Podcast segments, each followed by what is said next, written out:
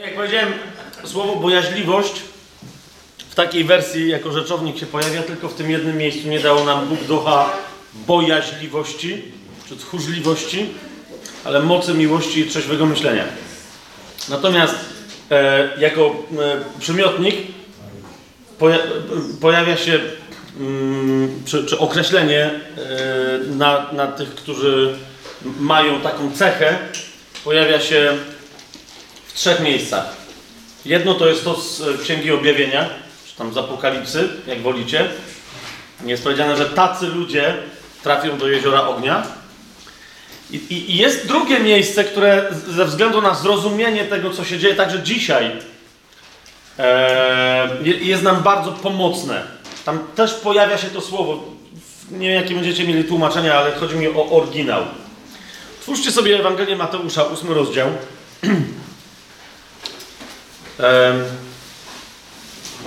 Świetnie znana wszystkim scena, tak świetnie znana, że bywa, że jest w ogóle nierozpoznana. To jest ósmy rozdział.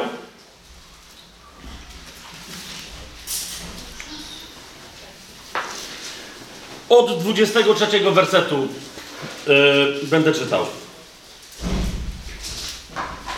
Kiedy Jezus, no wiadomo, że o niego chodzi, bo on tu jest głównym bohaterem tej opowieści, kiedy Jezus wsiadł do łodzi, weszli za nim i jego uczniowie. A oto zerwała się na morzu wielka burza, tak że fale zalewały łódź. On zaś spał. To jest ósmy rozdział Ewangelii Mateusza od 23 wersetu. Kiedy wsiadł do łodzi, weszli za nim i jego uczniowie, a oto zerwała się na morzu wielka burza, tak że fale zalewały łódź. A on spał, lub też on zaś spał. A jego uczniowie podszedłszy, obudzili go, mówiąc: Panie, ratuj nas, giniemy. I powiedział do nich: W UBG mamy tłumaczenie, czemu się boicie, ludzie małej wiary, ale w oryginale tutaj pojawia się właśnie to, tak mianowicie, czemu bojaźliwi jesteście?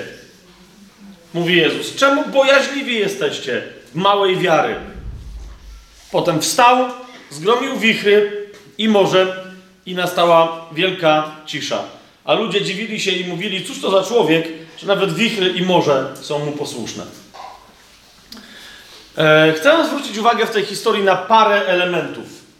Niemniej, rozumiecie, według mnie to jest kolejna historia, która mówi o, o, o tym, czego możemy doświadczać w życiu jako ludzie wiary,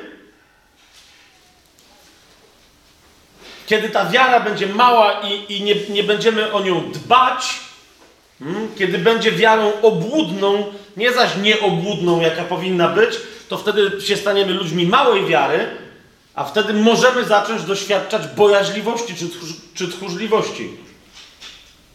Niemniej, kochani, e, w tej historii, bo tu się też pojawia bo, bojaźliwość. Czemu tak bojaźliwi, tchórzliwi jesteście? Kiedy mówiliśmy o bojaźliwości, która jest przyczyną niewiary, no okej, okay, tak? Tam ktoś po prostu podejmował pewne emocjonalne decyzje. Ale przyjrzyjcie się tej scenie. To jest poważna historia. Wiecie, żebyśmy usłyszeli, co Jezus powiedział, co Jezus nazwał tchórzliwością. Macie z nim najbliższych uczniów. Dwunastu, może więcej y, uczniów, ale na pewno dwunastu apostołów. Z nich wiemy z całą pewnością, że przynajmniej Jan, Jakub, synowie Zebedeusza, Piotr i Andrzej to są zawodowi rybacy. Rozumiecie? Ludzie, którzy po prostu więcej pływali niż na lądzie stali. Po prostu, w dzień i w nocy.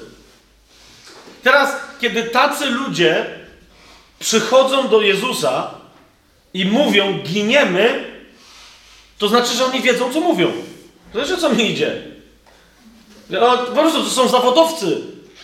Zwłaszcza, że opis tutaj mamy yy, w 24 wersecie, a oto zerwała się na morzu wielka burza, tak że fale zalewały łódź. I teraz chodzi o to, że yy, naprawdę w, w, języku greckim tam to, to, wręcz widać, tak? Że po prostu e, te, te fale są tak duże, że one e, w powietrzu nadpływają nad łódź i spadają na tę łódź.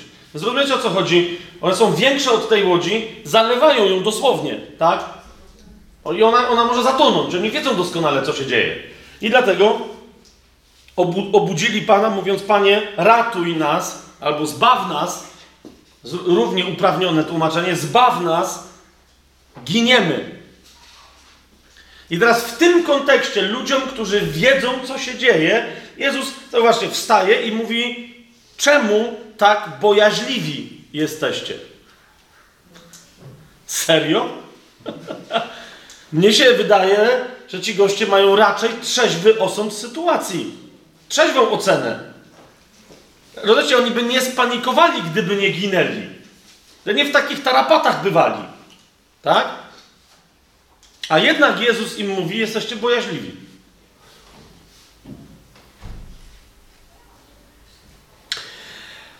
Kochani, kluczem do zrozumienia tej, tej sceny i tej sytuacji, bo oni mają rzeczywiście fizycznie do czynienia ze straszliwym żywiołem. Kluczem do zrozumienia tej sytuacji jest, zobaczcie, 26 werset. Jezus wstał, zgromił wichry i morze i nastała wielka cisza. I tu mamy bardzo konkretnie czasownik jeden wykorzystany, który zwykle, e, zwłaszcza u Mateusza, pojawia się, kiedy Jezus gromi złe duchy. Tak? Kiedy Jezus gromi złe duchy. Gorączkę wypędza.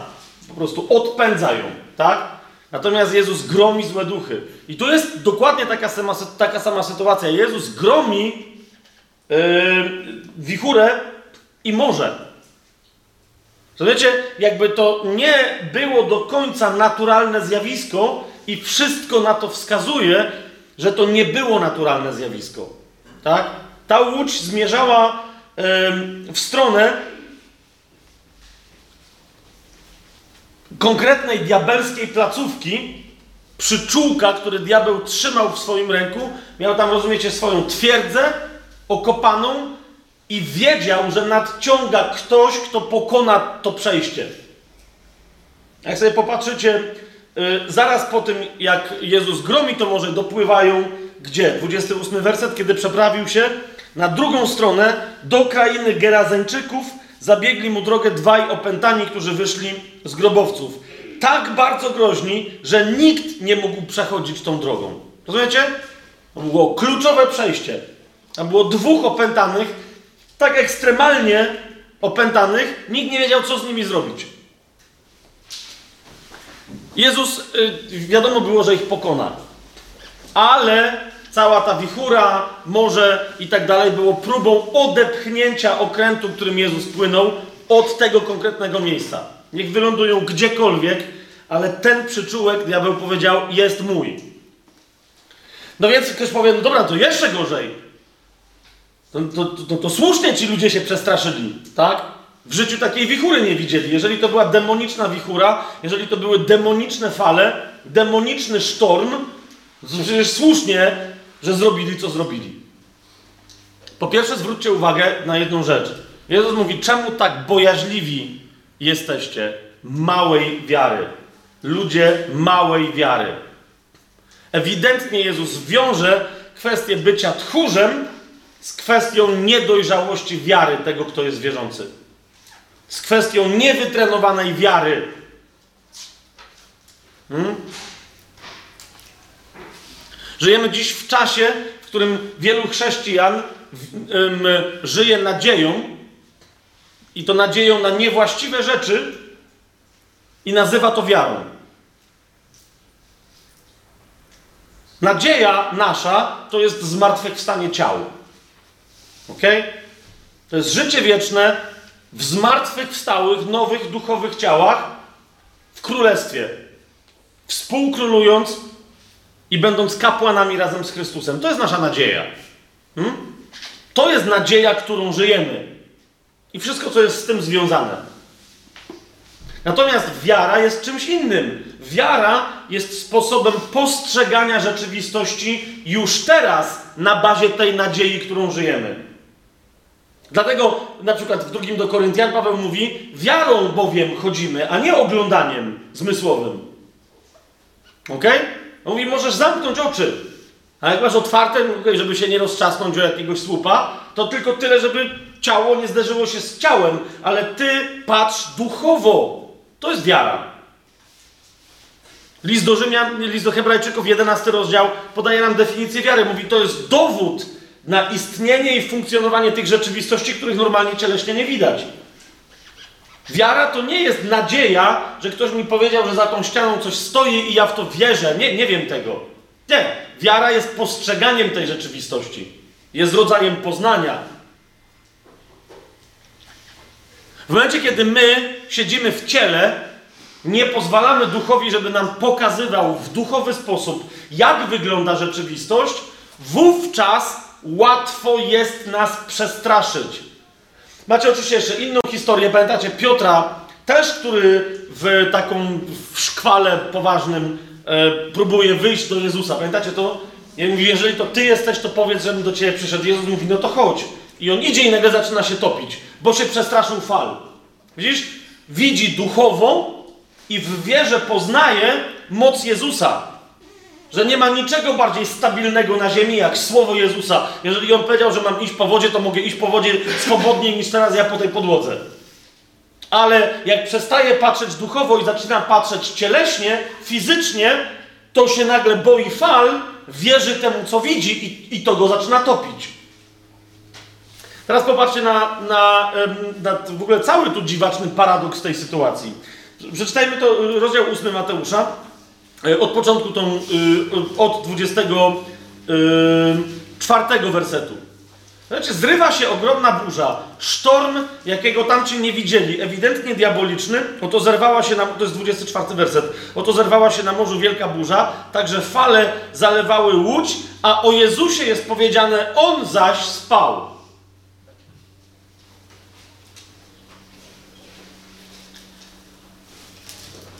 Zauważ, widzisz, to jest to, dlaczego Jezus, On nie oskarża tych biednych ludzi o to, że, że są bojaźni, niesprawiedliwie, że są bojaźliwi. Jezus po prostu mówi im, na co wy się patrzycie? Na co wy się patrzycie? Macie z jednej strony burzę, wichurę i tak dalej, i tak dalej, bo rozumiesz o co mi idzie? Oni idą do Niego i co mówią? Zbaw nas, bo giniemy. Co to oznacza? To oznacza, że wiedzą, mimo że później są zdziwieni, że ty rzeczywiście. Chłop zgromił normalnie burzę. Ale zanim do tego dochodzi, oni mają na to nadzieję, przychodzą i mówią: Ej, uratuj nas!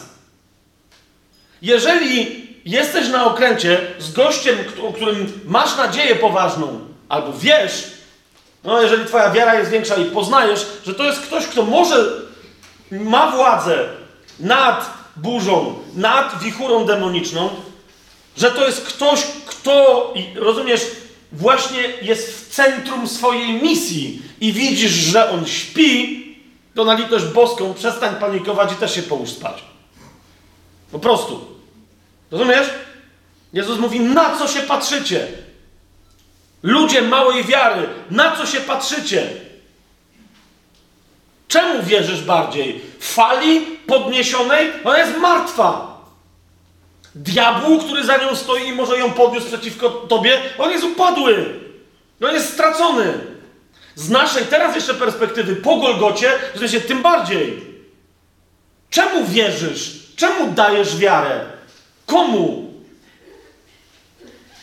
My, my często właśnie dlatego pan, panikujemy, że Jezus śpi w naszym życiu. Ktoś do mnie przychodzi i mówi, słuchaj, bo jest problem, tu coś tam się dzieje, mówi, a ja wołam do Pana i Pan na to nic. To, to dobrze, nie? Wyluzuj. Bo on, nawet kiedyś pamiętam, że raz coś się posłuży, tak jakby w ogóle spał i miał mnie gdzieś. Nie. Tak jak śpi, to śpi, niekoniecznie macie gdzieś. Po prostu śpi. Nie dlatego, że Bóg musi spać, dlatego, żeby tobie coś pokazać. Rozumiesz, ten Chrystus, śpiący w czasie takiej wielkiej burzy, Śpiący dlatego, że, że wie w czyich jest rękach, że jest w rękach najlepszego na świecie, najpotężniejszego też w świecie, miłującego Ojca. Wie, że dopóki nie przyjdzie Jego godzina, dopóki wypełnia wolę tego Ojca, nikt nic mu nie może zrobić. Nikt nic. I dlatego śpi.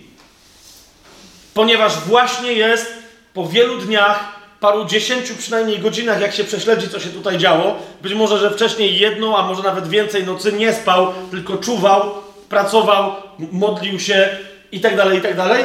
Więc teraz, kiedy nikt niczego od niego nie oczekuje, korzysta z okazji i śpi. Ma parę godzin na to, żeby się przespać. Rozumiesz? Ponieważ wie, że za chwilę się zaczyna nowa wojna. Z drugiej strony, nowa bitwa, nie wojna.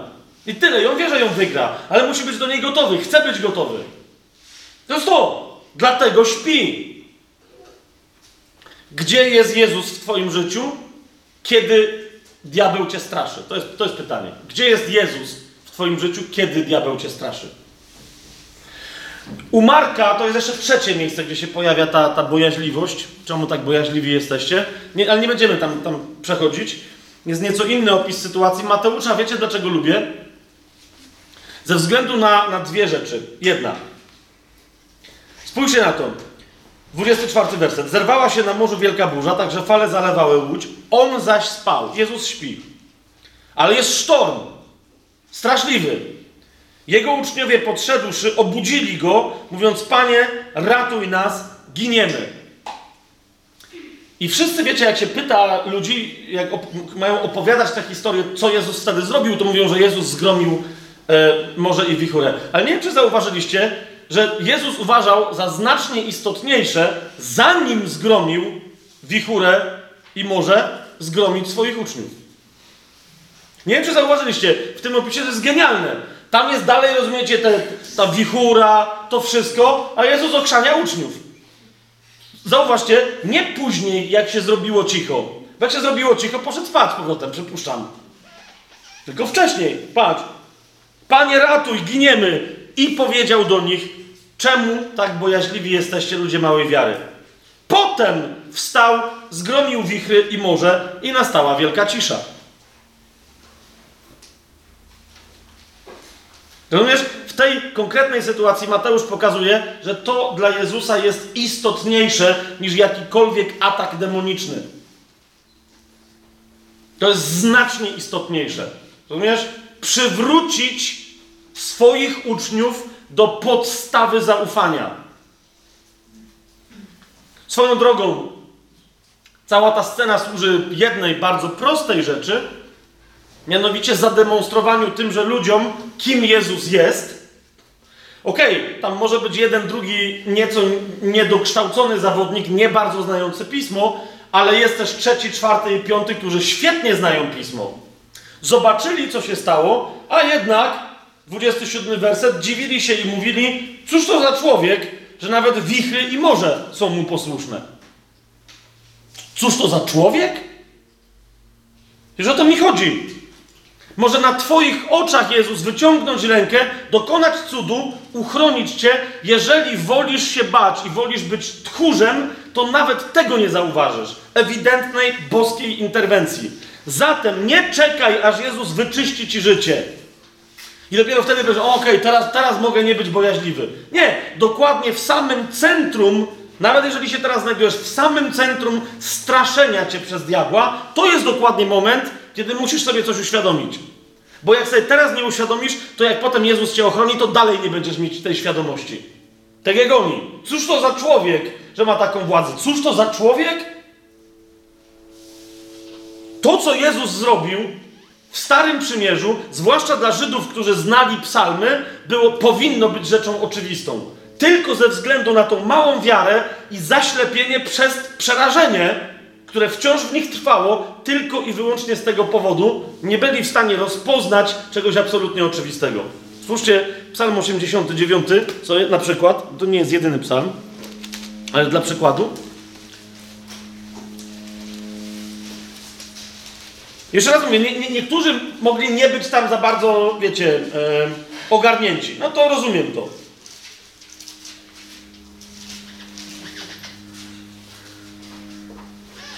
Zobaczcie psalm 89, wersety 9, 8 y, i 9. Jachwę, Boże zastępów, któż jest jak Ty, mocny Jachwę? Twoja wierność bowiem Cię otacza. Ty panujesz nad wzburzonym morzem, gdy się podnoszą jego fale, Ty je poskramiasz. 107 psalm. Sobie otwórzmy.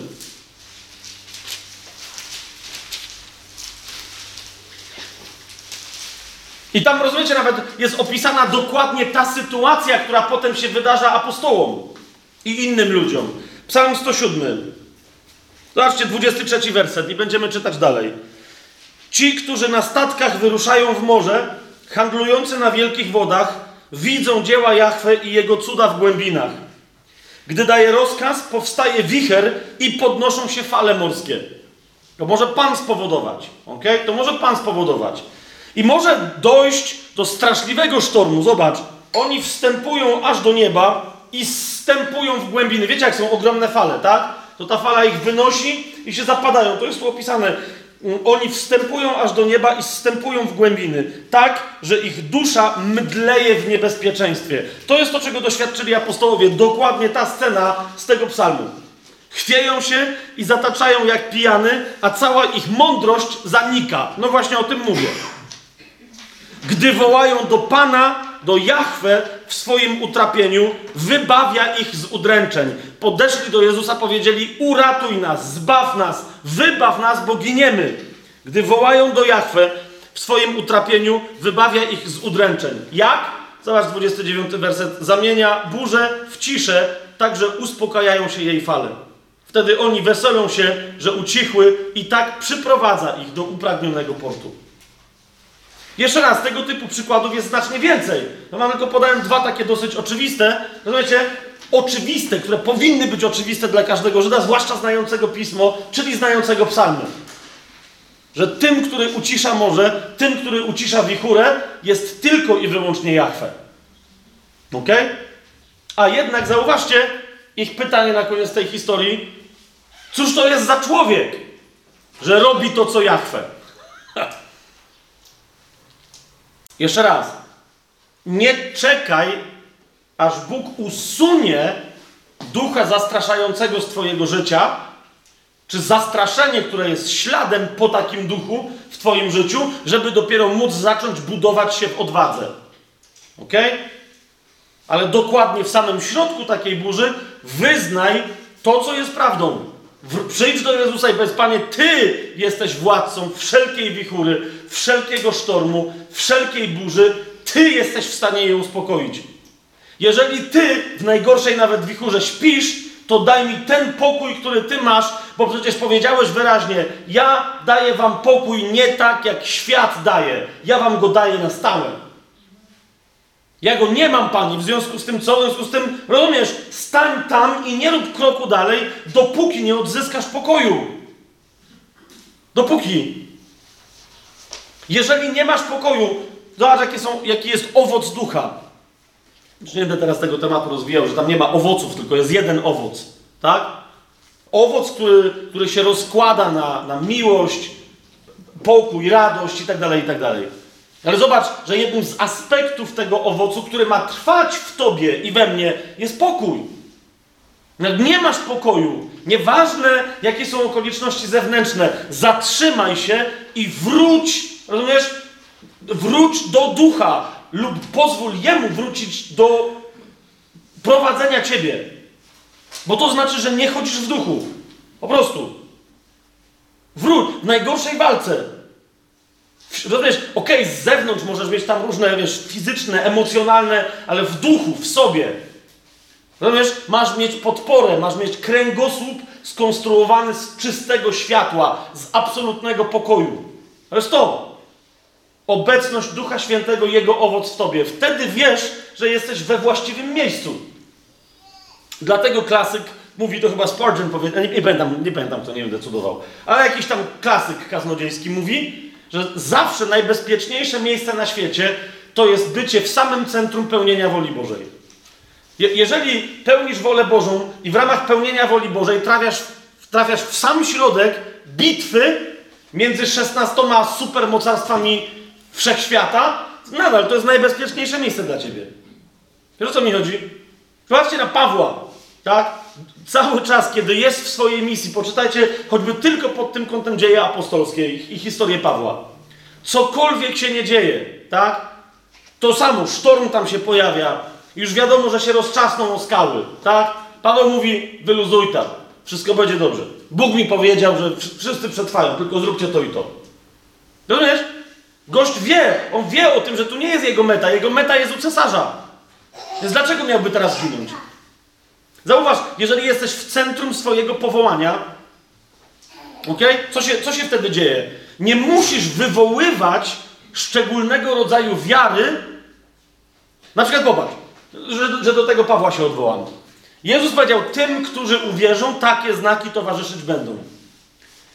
I jednym ze znaków, bo my się zwykle koncentrujemy na mówieniu na językach albo uzdrawianiu czy wypędzaniu demonów, ale jednym ze znaków jest węże brać będą do rąk.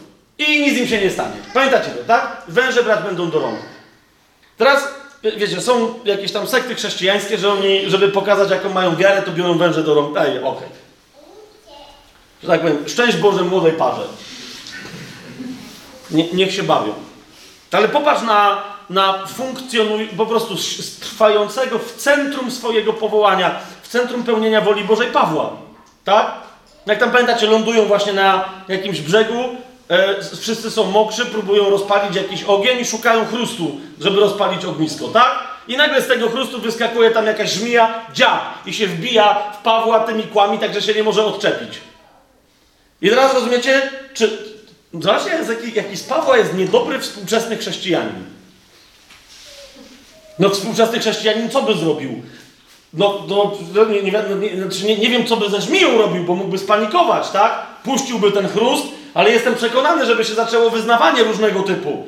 W zależności od tego, w które wyznawanie wierzy. Rozumiecie? Zacząłby gromić węża, gromić truciznę, wołać, żeby ktoś go uzdrowił, sam się uzdrawiać. No nie, tam by się różne rzeczy działy. Wyznawać, że wcale nie było węża.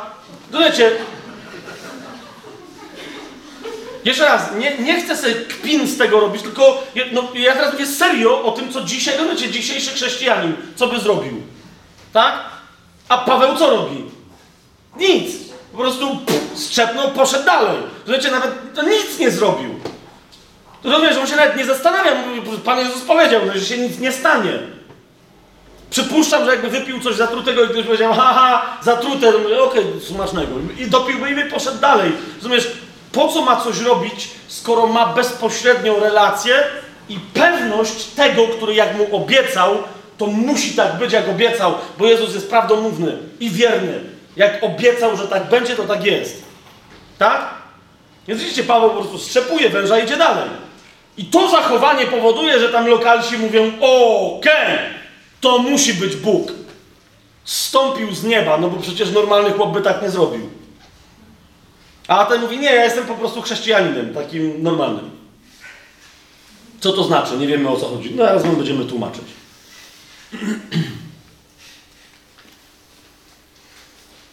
Rozpoznaj, że wreszcie w Jezusie swojego Pana który jest Panem całej rzeczywistości. Rozpoznaj, że wreszcie w Jezusie swojego Pana.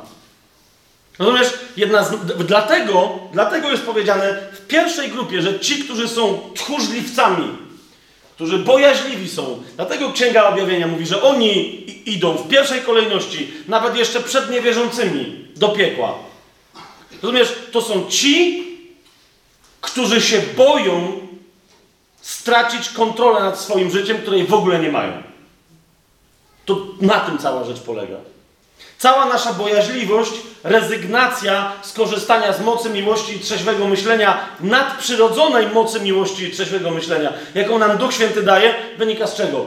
Z te, za każdym razem z tego samego, że na ustach mamy wyznanie, że Jezus jest Panem, a w rzeczywistości my siedzimy dalej na tronie swojego życia, albo go zrzucamy, z powrotem zasiadamy na tronie swojego życia i próbujemy kontrolować coś, co jest w ogóle nie do kontroli.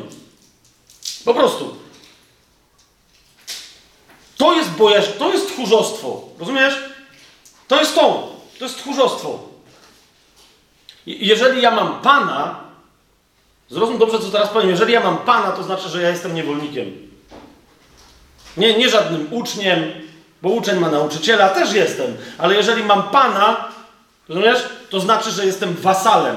Nie takim niewolnikiem zakutym w kajdanach, wiecie, kunta kinte, korzenie, mówię to teraz do starszych, którzy ten serial pamiętają, tylko, tylko kimś, kto nie dostaje zapłaty za jakąkolwiek akcję, którą wykonuje z rozkazu Pana, który dwa razy powtarzać nie będzie i który nigdy po trzecie nie poprosi, bo jest Panem. To jest wasal we właściwym rozumieniu. Rozumiesz? I teraz dokładnie takim słowem Paweł siebie nazywa, dokładnie takim słowem nazywają się inni uczniowie pańscy. W zasadzie Paweł, jak nam się przedstawia osobiście w Biblii, w liście do Rzymian, zobaczcie to. List do Rzymian, pierwszy rozdział, pierwszy werset, to dokładnie tak się przedstawia. Paweł, Paulos i zaraz drugi wyraz, który się pojawia, kiedy on się przedstawia, to jest wyraz dulos, czyli niewolnik. My oczywiście mamy fantastyczne tłumaczenie sługa Jezusa Chrystusa, bo oczywiście to o to chodzi. Tylko wiecie, nie, wolę słowo niewolnik, bo my potrzebujemy wreszcie się wstrząsnąć dzisiaj w tej kwestii. Po prostu potrzebujemy wstrząsu.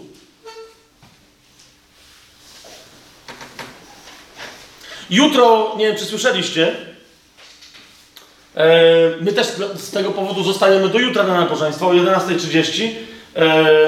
E, pastor Jan Przenaj Czcigodniejszy zaprosił wybitnego męża, sługę Bożego z Johannesburga. Nie wiem, słyszeliście o tym? Nie. No taka, o kurde, to zdradziłem niespodziankę. Niespodzianka. To jest to. W każdym razie przyjeżdża, tylko słuchajcie, jest jedna sytuacja. Ja też, ja dzisiaj jestem w klapkach, to wy też widzę, że niespecjalny szacunek do mnie. Natomiast jutro jest niedziela, ale to nawet mniejsza o niedzielę, tylko chodzi o to, że jest sługa Boży i ubierzcie się jakoś poważnie, ok? Ci co będą na nabożeństwie? Rozumiem się? Jest, tam jest. Nie będzie jutro żadnego sługi Bożego. Jak chcecie, to przyjdźcie w samych majtkach. Mnie to nie obchodzi. Rozumiecie, co, co wy wyrażacie, jak przychodzicie ubrani, albo ja, nic to w ogóle nie obchodzi. Ale złapaliście, o, czym, o, o co mi chodziło? Dzisiaj, dzisiaj często w kościele, jak się pojawia sługa Boży, to jedyne, co z całą pewnością wiesz, że to jest ktoś, komu ktoś służy. Komu on służy, to on służy Bogu. Cała reszta często służy Jemu. I dlatego, jeszcze raz, nie mówię, że wszyscy tak mają, żeby to było jasne, to nie mówię, że wszyscy tak mają, ale nie, to, to słyszycie to? To jest takie, taki, to jest wyraz sługa, który już sobie w, w, stracił w ogóle cokolwiek ze służenia, mam wrażenie, wiecie, w niektórych polskich uszach, tak? Kto to jest? O, przyjacielu, to jest sługa prezydenta. Rozumiesz? Sługa prezydenta, nie twój. Tymczasem sługa Jezusa Chrystusa jest czyim sługą? Twoim, ponieważ w Tobie Chrystus zasiada na tronie.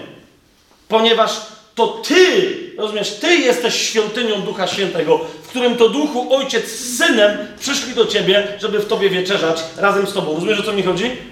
A zatem każdy sługa Jezusa Chrystusa jest sługą uniżonym wszystkich braci i sióstr. U was tak nie będzie, jak jest w świecie, powiedział Pan Jezus. U was tak nie będzie. Chce ktoś z was być pierwszy, niech będzie ostatni. To jest jedyny sposób. Chcesz być pierwszy, musisz być ostatni. Chcesz zademonstrować mi, że mnie kochasz, mówi Pan Jezus, zacznij służyć innym. Dosłownie. Masz jeszcze jakiś z tym, okej, okay, ale cóż to oznacza, bo kiedy ja zacznę służyć, zgadza się, często w kościele, którzy, jak już ktoś służy, to się okazuje, że jest niezwykle utalentowany. Zasadniczo, no zauważcie, służy na przykład służba uwielbieniowa, tak? I tak wiadomo, że oni są lepsi od wszystkich, bo oni najlepiej śpiewają. Więc nadal to, więc żebyśmy dobrze zrozumieli, czym jest ta służba, spójrzmy sobie pierwszy Piotra. Pierwszy Piotra 5.5. To jest łatwo zapamiętać. Pierwszy Piotra 5.5 a ściślej rzecz ujmując 1 Piotra 5, 5b. Chodzi o, o, o drugie zdanie w tym piątym wersecie. Wszyscy wobec siebie bądźcie poddani. Wszyscy wobec siebie bądźcie poddani. To znaczy być sługą Jezusa Chrystusa. Przyobleczcie się w pokorę, gdyż Bóg pysznym się sprzeciwia, a pokornym łaskę daje. I wróciliśmy do tego samego zagadnienia. Rozumiesz? Bo ja, ja teraz nie będę tego już w ogóle rozwijał, ale chcę na koniec powiedzieć coś, co każdy, kto dzisiaj słuchał w duchu, tu powinien to zrozumieć, albo za chwilę, jak nie teraz, to za chwilę to zrozumie. Bojaźliwość, tchórzliwość jest jednym z najoczywistszych, duch bojaźliwości w człowieku, poddawania się strachom strachów, jest jednym z najoczywistszych przejawów osobistej pychy.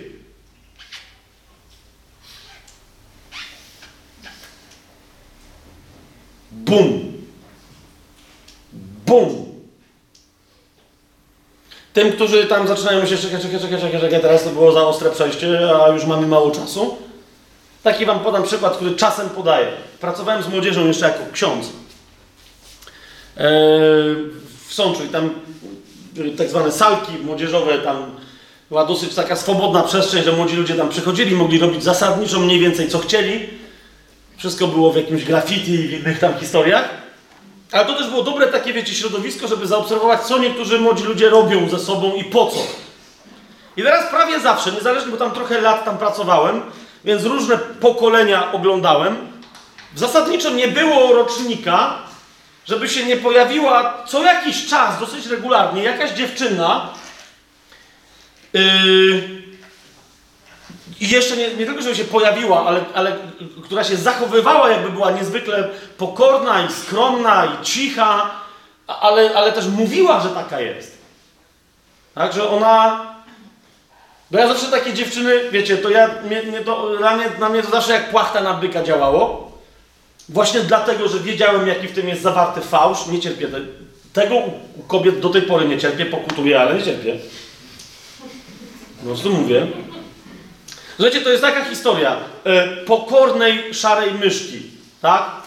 Ona przychodzi, nie ma żadnej modlitwy, nabożeństwa, czegoś, po prostu ludzie sobie robią co chcą, tak? Sala jest tej wielkości. I wszyscy tam siedzą, coś tam robią, ci gadają, tam ci się śmieją, ci oglądają telewizor. E, I ona przychodzi i nie chce nikogo urazić niczym. Ona chce wtopić się w ścianę w okolicach najciemniejszego rogu sali.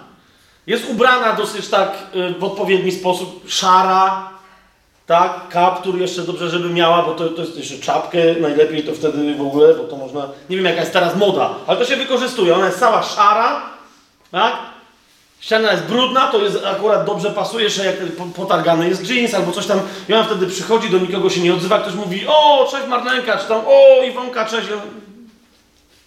To jest jej odpowiedź, tak, jak ktoś jeszcze ją zaczepi, powie, hej, wszystko w porządku, ja nie, nie, spokojnie, przyjmuj się mną, nie? Ale już, już tam jej zacieknie tutaj powoli, no, nie, no rozumiesz, nie? I idzie do tego kąta i tam siedzi.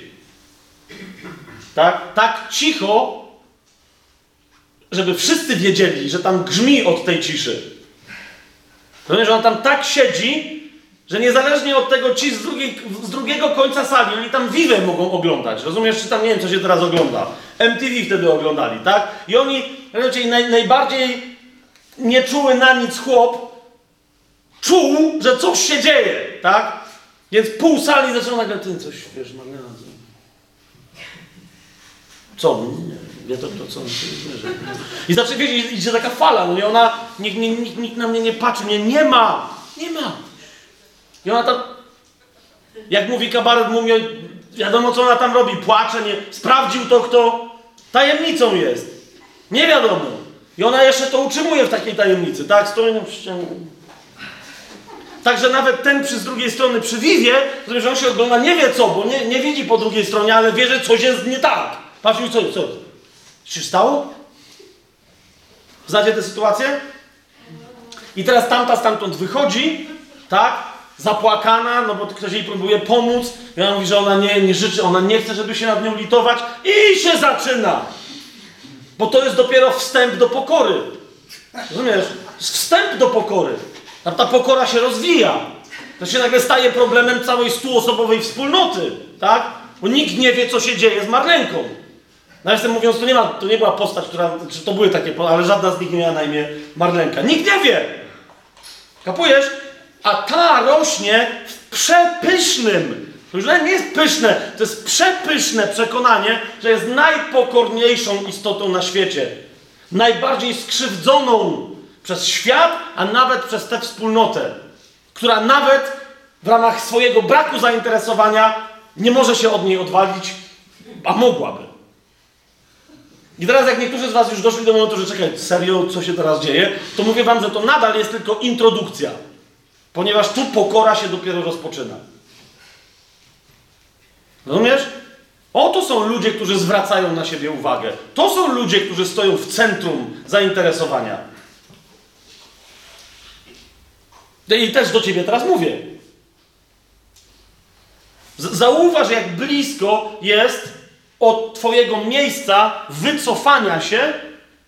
Czasem wystarczy zrobić krok w lewo albo w prawo do miejsca by, bycia absolutnym pyszałkiem, bezczelnie bluźniącym Bogu. Zauważ, jak jest blisko. Rozumiesz? Skąd się wzięła w chrześcijaństwie ta idiotyczna koncepcja, że ludzie, którzy się nie odzywają i wycofują, to są owi błogosławieni cisi? Skąd się to wzięło? Rozumiesz, że to są ci cisi. Co ma robić chrześcijanin? Ma być miły. To, to co ty powiedziałeś. Musi być miły. On musi być przyjemny. Musi być, nie, musi być miły. Bardzo, musi być miły. Jak to miły? No taki normalny. Dzień dobry. Do widzenia. Jest miły człowiek, jest chrześcijanin na pewno, jest miły. Przyjemny taki. Taki trochę lelawy, jak mówią sączu, ale no, chrześcijanin, co tam by się chciało od niego. Smaku nie ma, soli nie ma, ale miły jest chrześcijanin, jest miły. Z całym szacunkiem. Do, ja czasem pytam ludzi, jak tam jest w zborze? No fajnie. Ale, ale jak? No, wszyscy są mili. Bardzo sympatycznie. No i co w związku z tym? E, nuda, więcej tam nie pójdę. Rozumiesz? Zauważ, jak Paweł na przykład mówi, dlaczego mówi, żeby się nie modlić na językach w zgromadzeniu? Bo mówi, bo jak przyjdzie ktoś z zewnątrz, jak przyjdzie ktoś z zewnątrz i usłyszy, że się modlicie na językach, a on nie będzie wiedział o co chodzi, to pomyśli, szalejecie. Ale Paweł mówi, ale to nie, to nie na tym polega problem, co on sobie o was pomyśli, bo on i tak wie, że to jest sekta. Tak? Paweł tylko mówi, sęk w tym, że jak się modlicie na językach, to on sobie pomyślał, że szalejecie, ale wy mu nic nie zrobiliście.